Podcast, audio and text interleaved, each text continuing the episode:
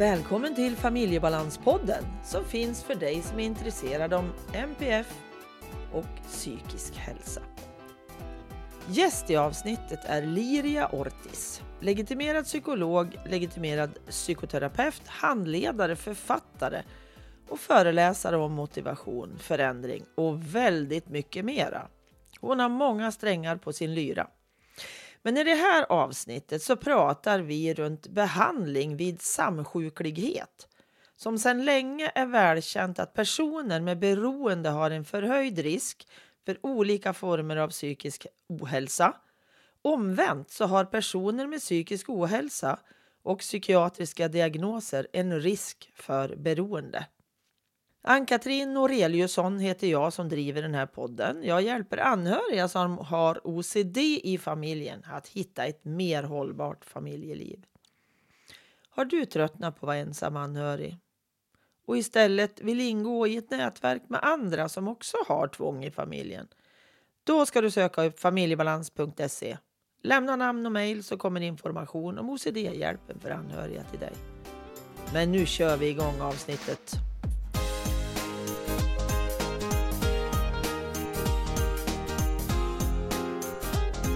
Hej Liria och välkommen till det här samtalet med dig och mig som kommer att bli väldigt intressant tycker jag. Tusen tack! Jag är väldigt glad att du har bjudit in mig, så tack för det.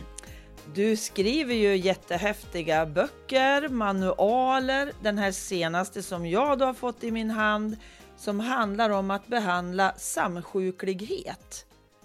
Och det är det vi ska prata om i det här avsnittet. Jättegärna. Men först Liria, vem är du?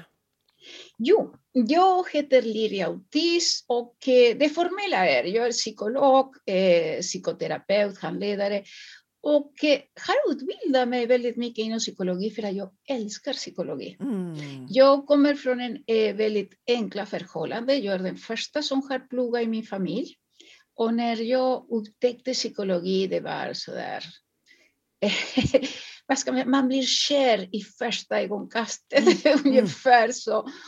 Och eh, till skillnad mot andra kärlekar, eh, den här har bestått under alla år.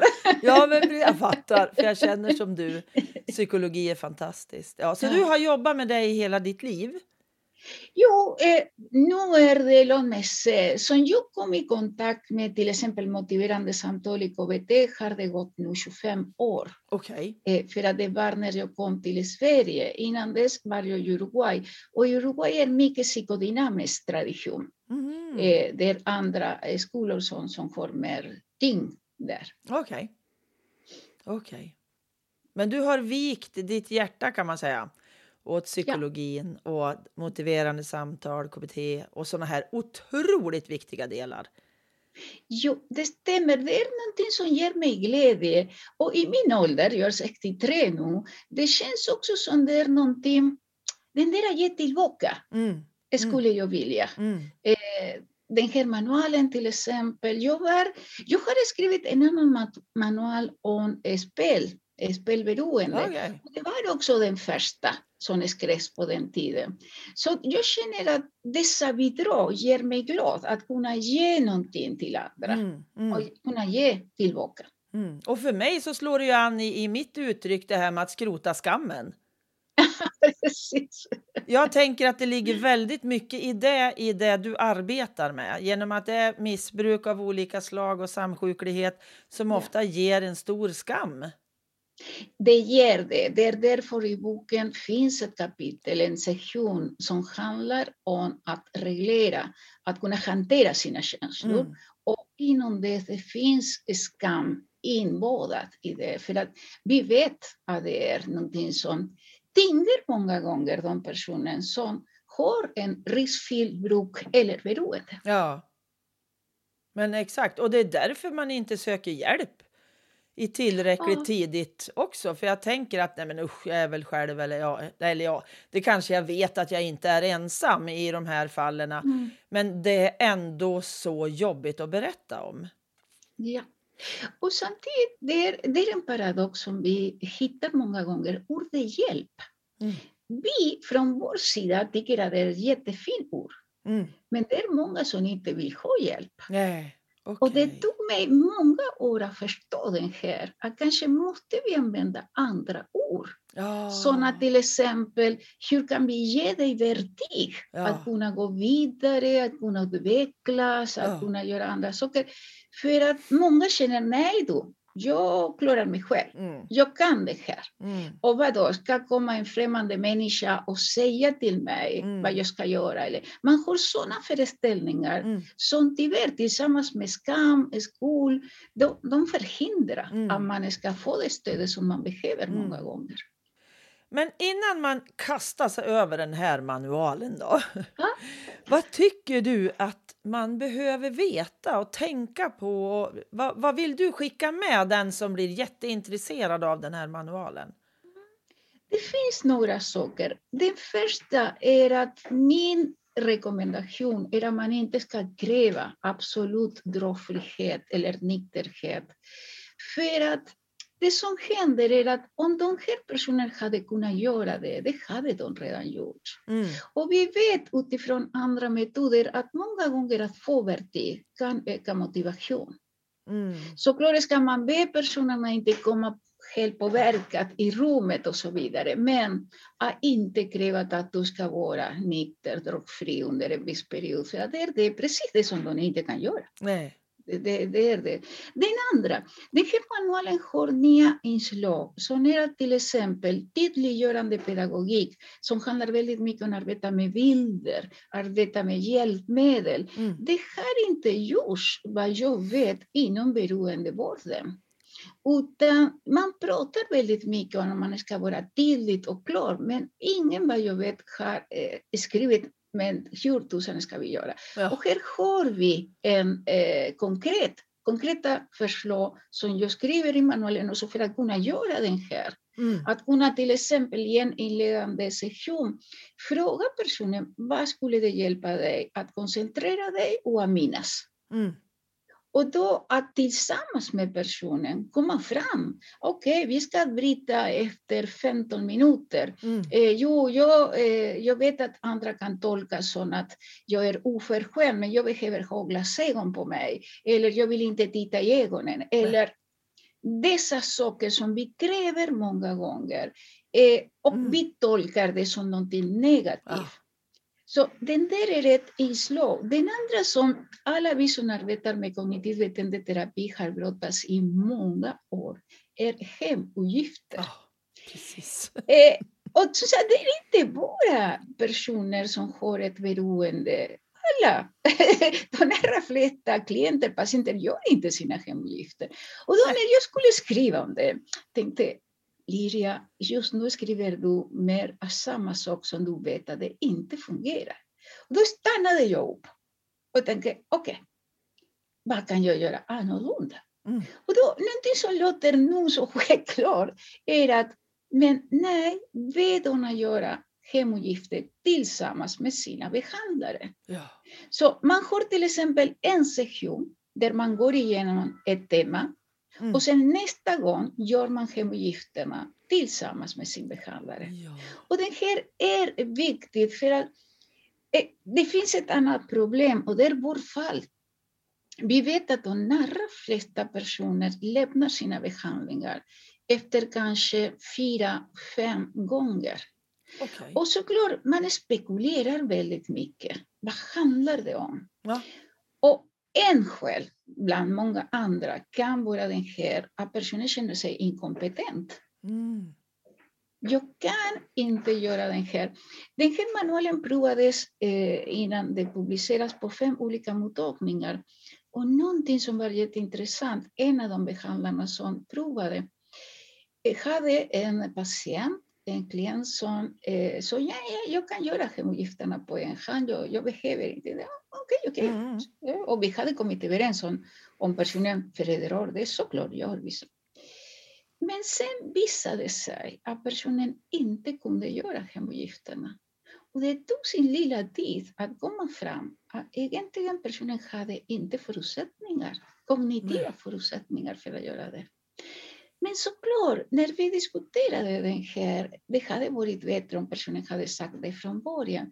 Men sen funderade vi, men vilka av oss vill säga Mm. jag har svårigheter? Precis. Och- Det är inte någonting som vi går genom livet och säger, aj, Ann-Katrin, vet du vad, jag har svårigheter med den här, den här och den här. Mm. Utan vi behöver framställa oss som kompetenta. Ja, visst. Och då, samtidigt att vi kan lära oss att kompensera för våra svårigheter. Mm. Mm. Eh, jag vet inte, i mitt fall, jag pratar svenska med accent och då vet jag att jag måste prata långsammare för att folk ska kunna förstå Mm. och så vidare och så vidare. Det är en svårighet som jag inte kan ta bort, men vad kan jag göra? Ja. Och såklart, alla vi gör Mm. de här sakerna. Och sen den tredje är den transdiagnostiska. För att den transdiagnostiska handlar om att istället för att tänka på varje diagnos, eh, ah, den här personen har ADHD, den här har ångest, den här har depression, den här har... Att tänka, okej, vad är gemensamt Mm. i de här diagnoserna? Och utifrån det som är gemensamt, att kunna arbeta utifrån det. Det här underlättar väldigt mycket för de behandlare som inte har så mycket kunskap om alla diagnoser. Nej. Och kanske ni undrar hur gör man det här rent praktiskt? Eh, All forskning som finns säger att de allra flesta gånger vid samsjuklighet, det finns ångest och depression. Mm. Sen såklart kan det finnas många andra diagnoser. Mm. Men den här manualen fokuserar mycket på den. Till Mm. exempel om en person är djupt deprimerad eller psykotisk i stunden, då rekommenderar jag inte att man ska eh, ge den här behandlingen. Personen behöver Ja, stabiliseras men först. exakt. Det blir för tungt. Innan, precis. Innan man, man gör något annat. Mm. Och då att tänka på det här fallet och samtidigt hjälpa personen att kunna se, okej, så när du är ledsen, eh, då dricker du. Mm. Eller när du får ångest. Eller efter att du har druckit blir du ångestfylld. Mm. Och att personen ska kunna se, för att det låter också självklart för oss. Mhm. Men det är inte så ofta som personen kan se att det Nej. finns, att de hänger ihop. Att visst, man kan förstå eh, mänskligheten i den där, i stunden, Ja. när man dricker, drogar, spelar, då mår man lite bättre. Ja. Såklart. Ja. Men problemet är den där att på lång sikt, eller efter ibland några timmar, Mm. några dagar, då är man där igen. ja. Exakt. Och då, det, det är den där som många gånger, och då finns det frågeformulär, det finns övningar för att kunna arbeta tillsammans med personen. Mm. Och som sagt, för behandlarna utifrån deras synpunkt är den där att inte behöva hålla koll på alla diagnoser. För att annars, som sagt, och ett annat problem som många gånger eh, vi har är att man säger jo, men den här diagnosen, ah, det är så jobbigt. Jag måste Oj. veta mer. Ja, ja, ja. Och det är i stort sett lo som jag kommer ihåg, det är dessa tre saker i, i princip, Ann-Katrin, som, som är som sagt, det nya i, i den här eh, manualen. Mm. Mm. Jag funderar också att vi ska reda ut begreppet just det här med samsjuklighet. Mm. Det är ju, eh, kan det vara både somatiska och psykiatriska diagnoser. Det kan vara både och.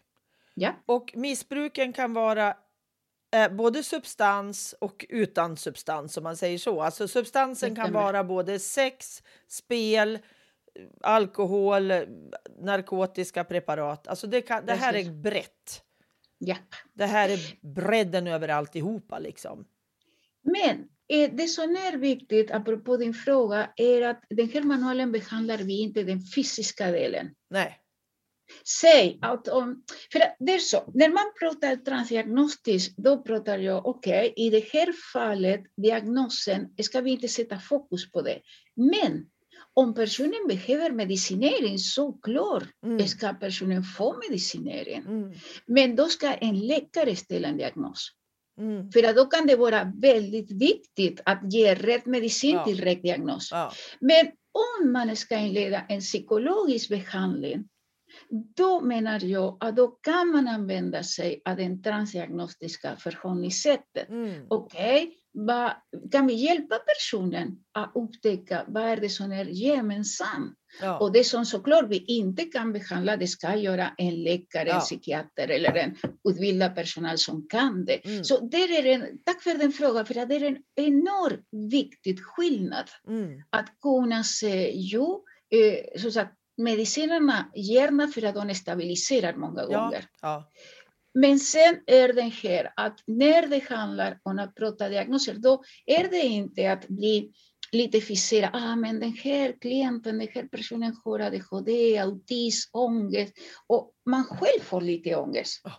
Vad tusen ska jag göra Ja, nu? exakt, ja. Två, tre, fyra diagnoser. Ja. Leta efter den gemensamma. Ja. Och vi vet, och på den finns det forskning faktiskt, att vi vet att det gemensamma brukar vara ångest, negativa tankar Mm. om sig själv och Mm. andra, Mm. eh, en känsla misslyckande Mm. många gånger. Eh, de här personerna många gånger har misslyckats i, Mm. i sitt, tidigare i livet på Mm. grund av någonting. Så all den där brukar vara gemensam och det är det som vi ska leta efter Mm. för att kunna hjälpa personer. För att utifrån det senare kan vi arbeta. Ah, det glömde jag. En annan sak som är eh, nytt, eller kanske det är inte nytt för att det fanns en manual om depression som arbetar på samma sätt, är att vi har en eh, sektion som vi vet att alla ska gå igenom. Men senare eh, personen kan välja utifrån egna behov. Eh, för att tanken med det här är den här. Vi vet att bortfallet med behandlingar är väldigt stort. Mm. Så det bästa har jag tänkt är att börja med att erbjuda det som personen känner att det är akut. Mm. För att det är motiverande Mm. också. Mm. Om det är i en grupp, okej, man väljer, man kompromissar, man, vad vet jag, för att kunna se den här. Men det är också viktigt den här att personen kan, ha, kan påverka Mm. sin behandling så mycket det går, så Mm. mycket vi kan Mm. erbjuda. Brukar du involvera anhöriga? Det finns ett kapitel eh, i slutet som handlar om kraft. Mm. Community, aj nu kan jag inte, community någonting. Mm. Och det är en kära kollega som heter Karina Wong som har skrivit den. För att hon har skrivit några andra böcker som finns i referenslista om ni, ni skulle vilja veta mer om, Karina. Mm. Eh, och eh, det är hon som har skrivit, och det är för anhöriga. Precis, att de ska kunna också kunna se, eh, kommer de att komma en gång, två gånger? För att många gånger när saker och ting, när, säg att en person söker behandling, anhöriga förväntar sig att det ska bli bättre. Mm. Och tyvärr i början kan det bli sämre. Mm. Många gånger på grund av den där postakuta abstinensen Mm. som kommer. Och sen handlar om att gärna är programmera att reagera på olika sätt med droger, alkohol eller till och med med spel, sex Mm. eller andra saker som inte är substanser. Och då när man tar bort dem, det tar en viss tid. Ja, och precis. Och jag tänker också så här att man behöver ju då fylla på med någonting. Vad ska jag göra istället? Precis. Känns ju som en viktig sak för det blir ju ett, kan ju bli ett jättetomrum om jag nu har spel till exempel eller tittar på porr eller vad jag gör för någonting. Ja. Alltså det blir ju ett sånt jäkla tomrum. Jag måste, vad, vad, vad brukar ni, hur, roddar ni i det då och Ja. letar liksom? Va, va, handlar, nej men just det, liksom letar ni, vad finns det för intressen, vad skulle du kunna bygga på med vad, och sådär. där kommer in en annan metod som heter ACT, Acceptance Ja. Commitment Mm. Therapy. Och jag älskar akt. Jag också, Mm. verkligen. Och det handlar om att kunna se, okej, vad är det som är viktigt för dig i livet? Mm. Men så formulera en jättestor fråga. Mm. Personen kan få ångest. Aj, vad, vad, vad då mening med livet? Okej, det som är viktigt för dig kan vi avgränsa i beståndsdelar. Säg att personen säger, jo, min familj. Okej, Ja. din familj är väldigt viktig för dig. Och då börjar vi hjälpa personen inom det område. Vad mer kan du göra med familjen som Mm. är viktigt för dig? Uh, ta korta promenader, eh, prata med mina barn, eh, träna mig på att lyssna. Och då det, det som var jättestort i Mm. livet Mm. blir någonting annat. Och sen såklart utforskar vi andra intressen. För ett problem som vi har alltid med att hitta alternativ är den här att det finns inga andra sunda alternativ till heroin till exempel. Så där måste man på något sätt komma fram till att det har jag förlorat. Mm. Den kicken eller den självförtroende som jag kände när jag drack. Mm. Eller när jag var i den där, framförallt personen som har överdrivet sex, att okej, när jag gjorde det, det var så spännande. Mm. Mm. Och nu måste jag avstå. Mm. Så det är, vad är det som den där gav dig? Ja. Otroligt, den där, och då kommer många gånger på de kortsiktiga konsekvenserna. Ja. Ja, men just det där att hitta då en spänning i något annat. Vad kan jag liksom få en, någon, något, det kommer ju inte att vara lika, men jag måste ju byta ut det till någonting. Men det gör vi inte. Nej? Och berättar varför. Ja. För att den där att byta ut är många gånger omöjligt. Ja, Att ja. kunna hitta någonting som ger samma kick, samma spänning. Mm. Samma, så det är mest inom ACT arbetar vi väldigt mycket med att okej, accepterar att du saknar den här. ja. Och det finns vertik, till exempel SOAL är en av dem som är stanna i att just nu vill jag dricka. Okej, vad är det jag saknar? Aj, den där känslan att livet är värt, det är roligt. Att, oh, Okej, det är det du saknar. Mm. Stanna i den känslan, låta den finnas där, beskriv den.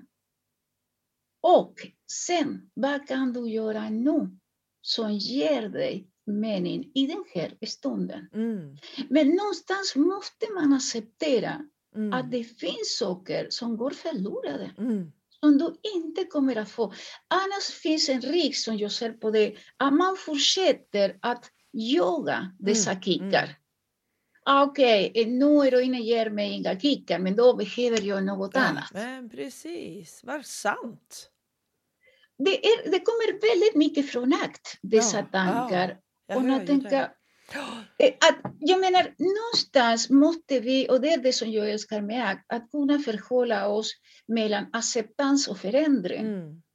Det finns saker, finns, skulle det finnas alternativ Mm. som inte är skadliga, då såklart Mm. skulle jag säga. Men det jag har lärt mig med alla de här åren är att det är att jaga en, en dröm ibland Mm. som förhopp eller många gånger kommer inte in i bilden. Och därför i en sån kontext föreslår jag istället acceptera Ja. förlusten. Ja. Eh, om du känner lust för att gråta, gör det. Mm. Det är någonting som du kommer att sakna då och då. Mm. Det stämmer. Mm. Det är som dessa stora kärlekar, som, eh, när man kan sakna den första tiden i förälskelse. Ja. Och sen kommer vardagsrutiner. Och man älskar fortfarande sin partner, men man saknar, oj, den där känslan. Och det är en jämförelse som jag gör många gånger för att det är något som de allra flesta kan känna igen.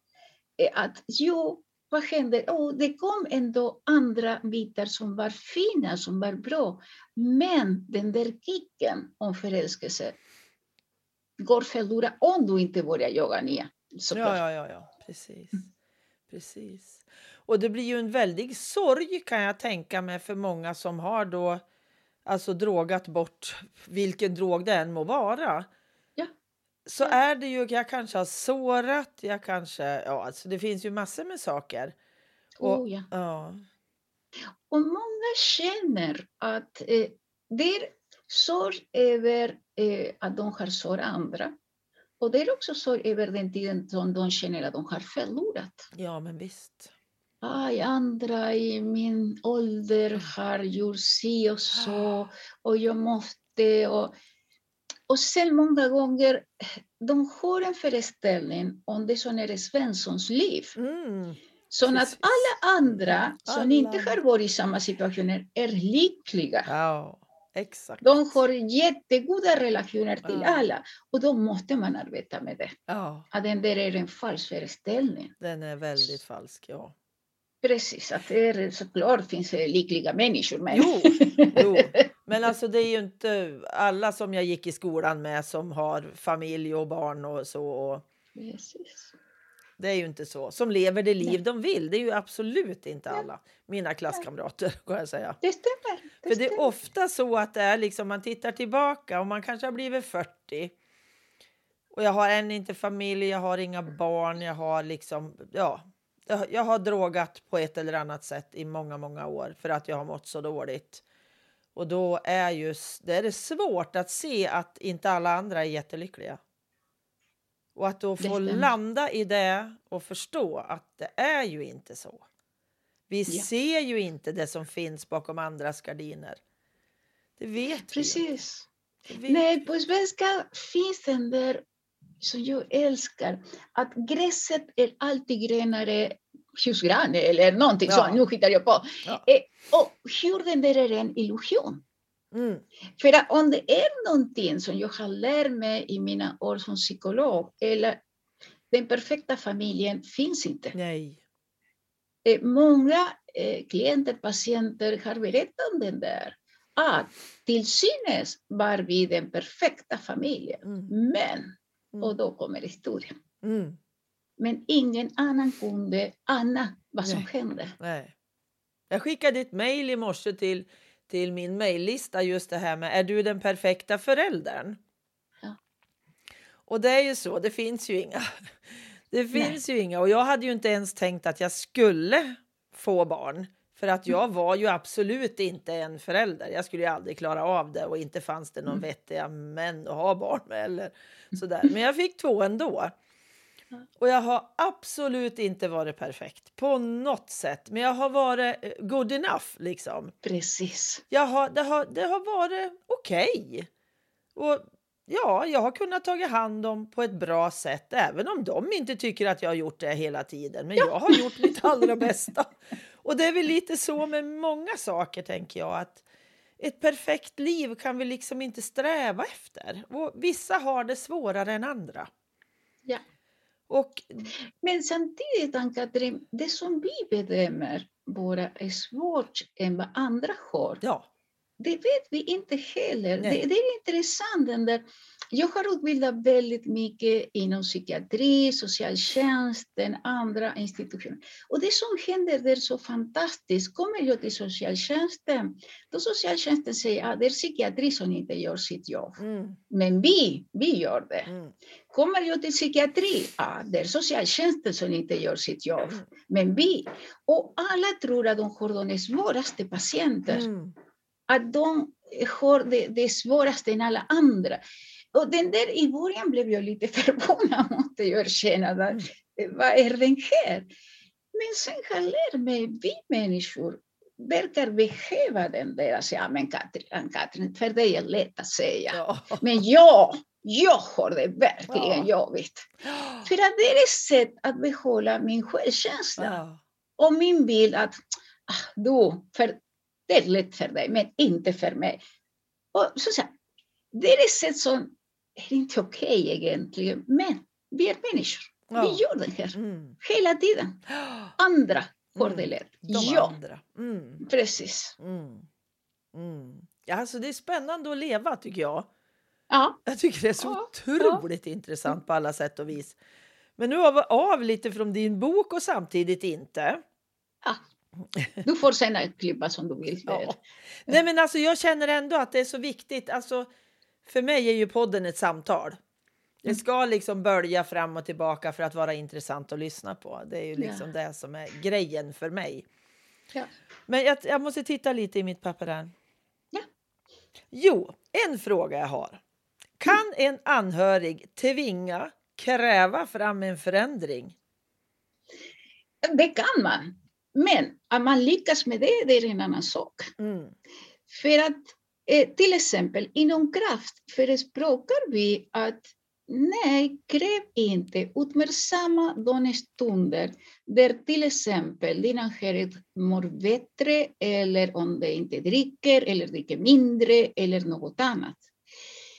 För att problemet är att de allra flesta anhöriga har redan krävt. Ja. De allra flesta i omgivningen har sagt. Men och några såklart reagerar lite med ilskan.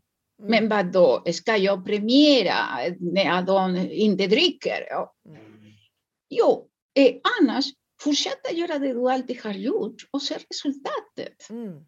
Men om du har redan provat att skälla, att skrika, att Mm. hota och det inte fungerar, då är det dags att du gör något annat, något Mm. annorlunda. För att såklart, det som kan hända med hot är att det kan fungera på kort sikt. Mm. Personen kan säga nej, nej, nej, jag vill inte skiljas. Nej, nej, nej, såklart ska vi gå i terapi eller självklart ska jag sluta eller självklart. Och jag tror inte ens att personen ljuger i den stunden. Nej. Utan personen känner att det är viktigt, jag vill verkligen ha min relation med, med min partner. Så Mm. självklart ska jag göra det. Men senare, det kommer, personen har inte fått färdigheter, personen har inte kunnat arbeta med det, personen vill sluta på en hand. Och jag vill signalera såklart att för några fungerar. Mm.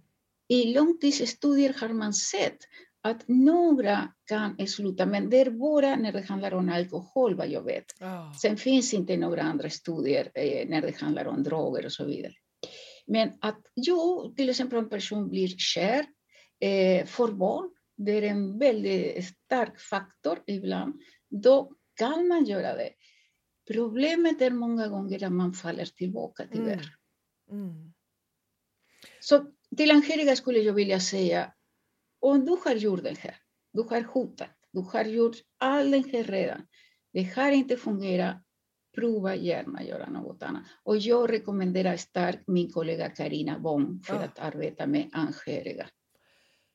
Är det någonting mer som du skulle vilja tillägga innan vi rundar av vårt samtal? Som du tycker att nej, det här gick vi för fort över eller Mm, något vi har glömt helt eller så? tack för det, för den frågan. Jag tänker på att om den som lyssnar är en person med samskicklighet, där säkert har du provat många andra behandlingar först. Mm. Eh, kanske känner du att det finns ingen hopp. Och då skulle jag vilja säga, prova gärna på nytt. Mm. Det är inte lätt. Det krävs arbete, det kommer inte av sig själv tyvärr. Men det är den där, tänk gärna på vad du vill göra med resten av ditt liv. Mm. Och där kan det finnas. Jag vet att alla säger man får ingen hjälp. Kom ihåg det är en sanning med många modifikationer. Eh, det finns mottagningar, beroendemottagningar som arbetar med det Mm. här. Är det så att du vill inte gå till någon beroendemottagning, kom ihåg att det finns också behandlingar via nätet. Inte för samsjuklighet vad jag vet, men till exempel det finns eh, sluta röka-linje, eh, det finns alkohollinje. Eh, det finns väldigt många som kan vara första steget många Ja. gånger. För att kunna se, och ingen kommer att döma dig. Den där passé, det var förr i tiden Ja, som du skulle bli anklagad för den ena eller den andra. ja. Så nu för tiden, det brukar inte eh, finnas den där förhållningssättet. Så det är vad jag skulle vilja säga, att, att verkligen det finns hopp. Det finns hjälp att få, Mm. men det är den där att kunna verkligen ta första steget. Och som sagt, jag brukar säga första steget, om man vill, är eh, hjälplinjer. ja, just det. För att då ser man, aha, det här är möjligt. Kanske upptäcker man att det jag trodde att det var fel på mig, Mm. det var för att jag inte kunde hantera Mm. den ena eller den andra. Mm. För att det vi har sett utifrån forskningen är att när man får färdigheter, verktyg, många gånger motivationen ökar. Och det Ja. hade vi inte räknat i början. Vi Nej. trodde förr i tiden att först måste man vara motiverad och sen börja. Men forskning har visat att det är en sanning med många modifikationer. Okej. Så klart för några är det så, men för många andra, wow! Det, det är fantastiskt. verkligen. Ja. Det är det som jag skulle vilja lägga till. Det var en fantastiskt bra avslutning just det här att att våga ta det där läskiga kanske klivet. Mm. För att även om jag inte är motiverad nu så kan jag bli det på vägen. Ja, Det är Ja, ju fantastiskt. precis. Det är många saker som vi gör i livet som vi inte är motiverade. Och jag vet, det här låter konstigt från en som kallar sig specialist på motivation. Men det är faktiskt så. Det finns saker som vi gör på grund av disciplin, Ja, ja, på ja. grund av våra värderingar. Ah, säg den där klassiska exempel, familjen är viktigt.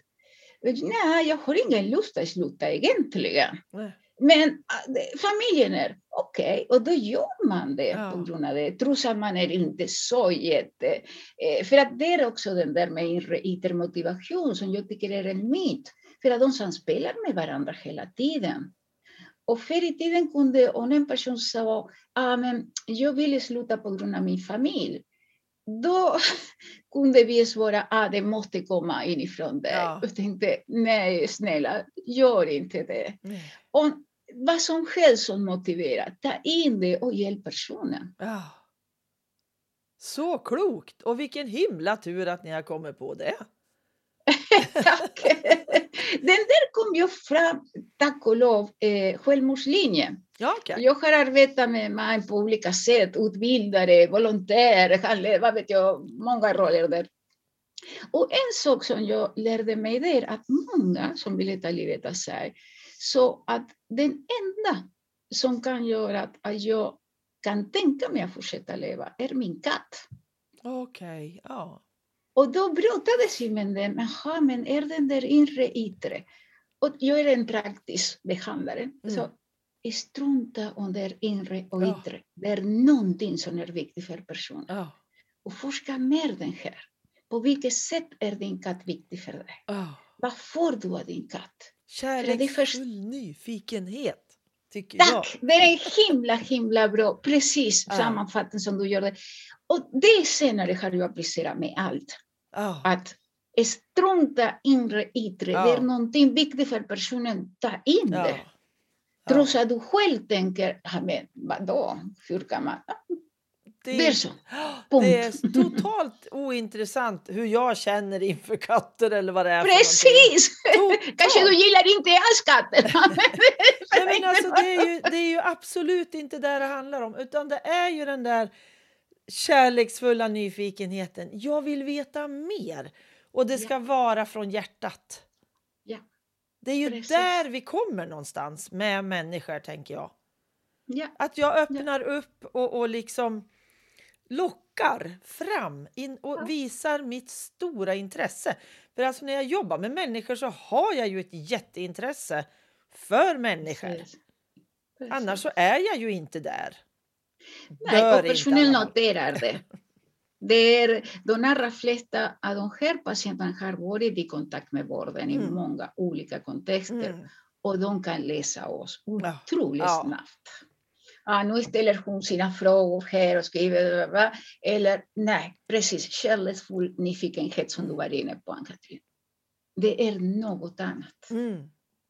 Som sagt, man gör samma saker många gånger, men hur man gör det, den känsla eller det Mm. intresse Mm. där. Och såklart, jag har mött många behandlare som säger jo, men jag orkar inte alltid vara kärleksfullt nyfiken. Okej, tillämpa vår nyfikenhet. Ja.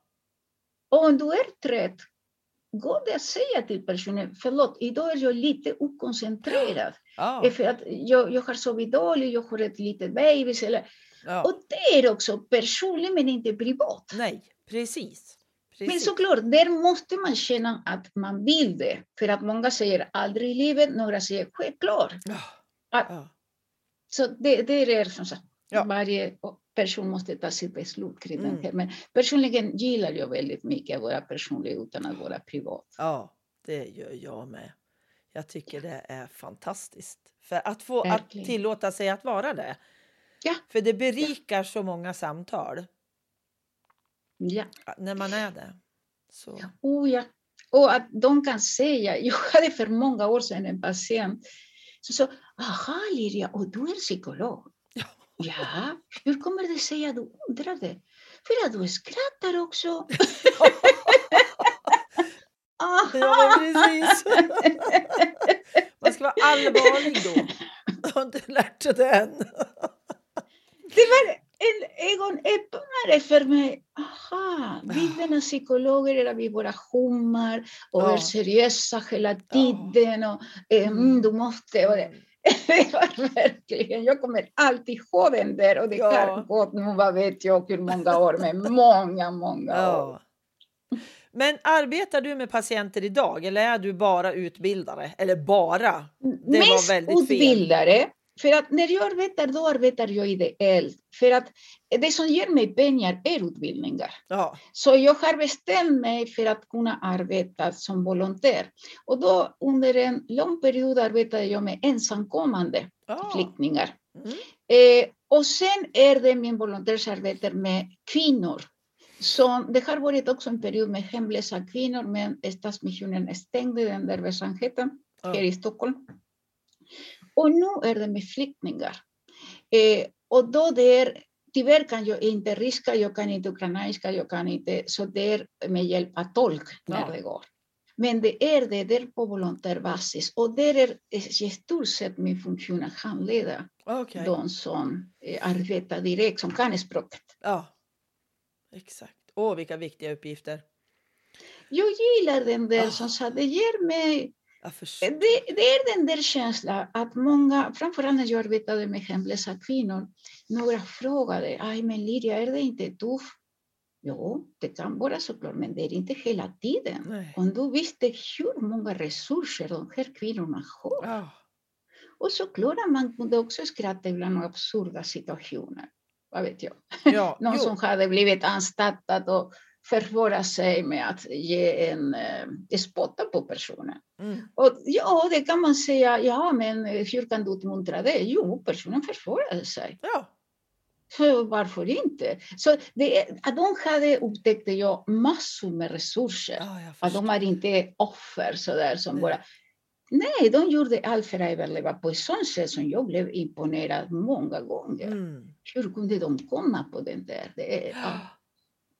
Får Så använda- det ger mig också glädje Ja, i, jag i den där. förstår det. Det låter jättehäftigt, verkligen. Ja. Så. Jag vill tacka dig så jättemycket för att du ville vara med i min podd. Tusen tack själv, Ann-Katrin. Dina frågor var otroligt bra, så jag är väldigt, väldigt glad och ser fram emot att kunna sprida på den senare. Toppen! Det ser Så jag skicka ett mejl med en länk Ja, eh, och då sprider jag den vidare. Jätte, toppen! Det ska du få. En kram till dig Ja. och tack för idag. Kram Ha det så. Kram Hej! Hej då. Lydia! Hej då! Boktipset. Det är ju alltså Liria Ortis bok. Eller eh, manual skulle jag väl säga egentligen. Och arbetsbok. Alltså det är en arbetsbok som tillhör manualen. Den heter Att behandla samsjuklighet. En manual med MI, KBT, ACT och tydliggörande pedagogik för en transdiagnostisk behandling av samsjuklighet vid skadligt bruk och beroende. Liria Ortis, LLOA förlag. På baksidan så står det så här. Om behandlingsmanualen att behandla samsjuklighet och arbetsboken.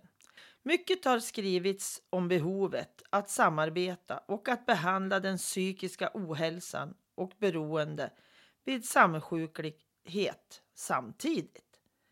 Men det fattas konkret vägledning och en manual i hur man kan behandla den psykiska ohälsan och beroende samtidigt. Hur viktigt är att jag kan alla diagnoser? undrade bekymrade behandlare. Det är jätteviktigt för en läkare och när det handlar om att personen ska få rätt medicin. Men det är inte så viktigt när det handlar om den här manualens psykologiska behandling. Varför det? För att de olika psykologiska symptom kan behandlas transdiagnostiskt.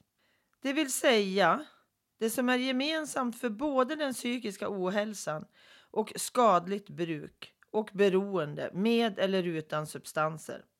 Den här manualen erbjuder konkreta verktyg och strategier för att behandla samtidigt den psykiska ohälsan och beroendet. Den har provats som behandling i olika öppenvårdsmottagningar och resultatet är lovande. Och du hittar, om du vill söka på Liria, så söker du på hennes namn, Liria Ortiz. Och Liria som det låter och Ortiz, O-R-T-I-Z. Googla på henne så kommer du att hitta massor av intressant att läsa och bland annat kunna gå in på hennes hemsida. Tack för att du lyssnat. Tack till Pelle Zetterberg för musiken, Pernilla Wahlman som fotade, Marcus som fixade poddloggan och till Anders för att du redigerar mitt prat. Hoppas vi hörs igen. Hej då!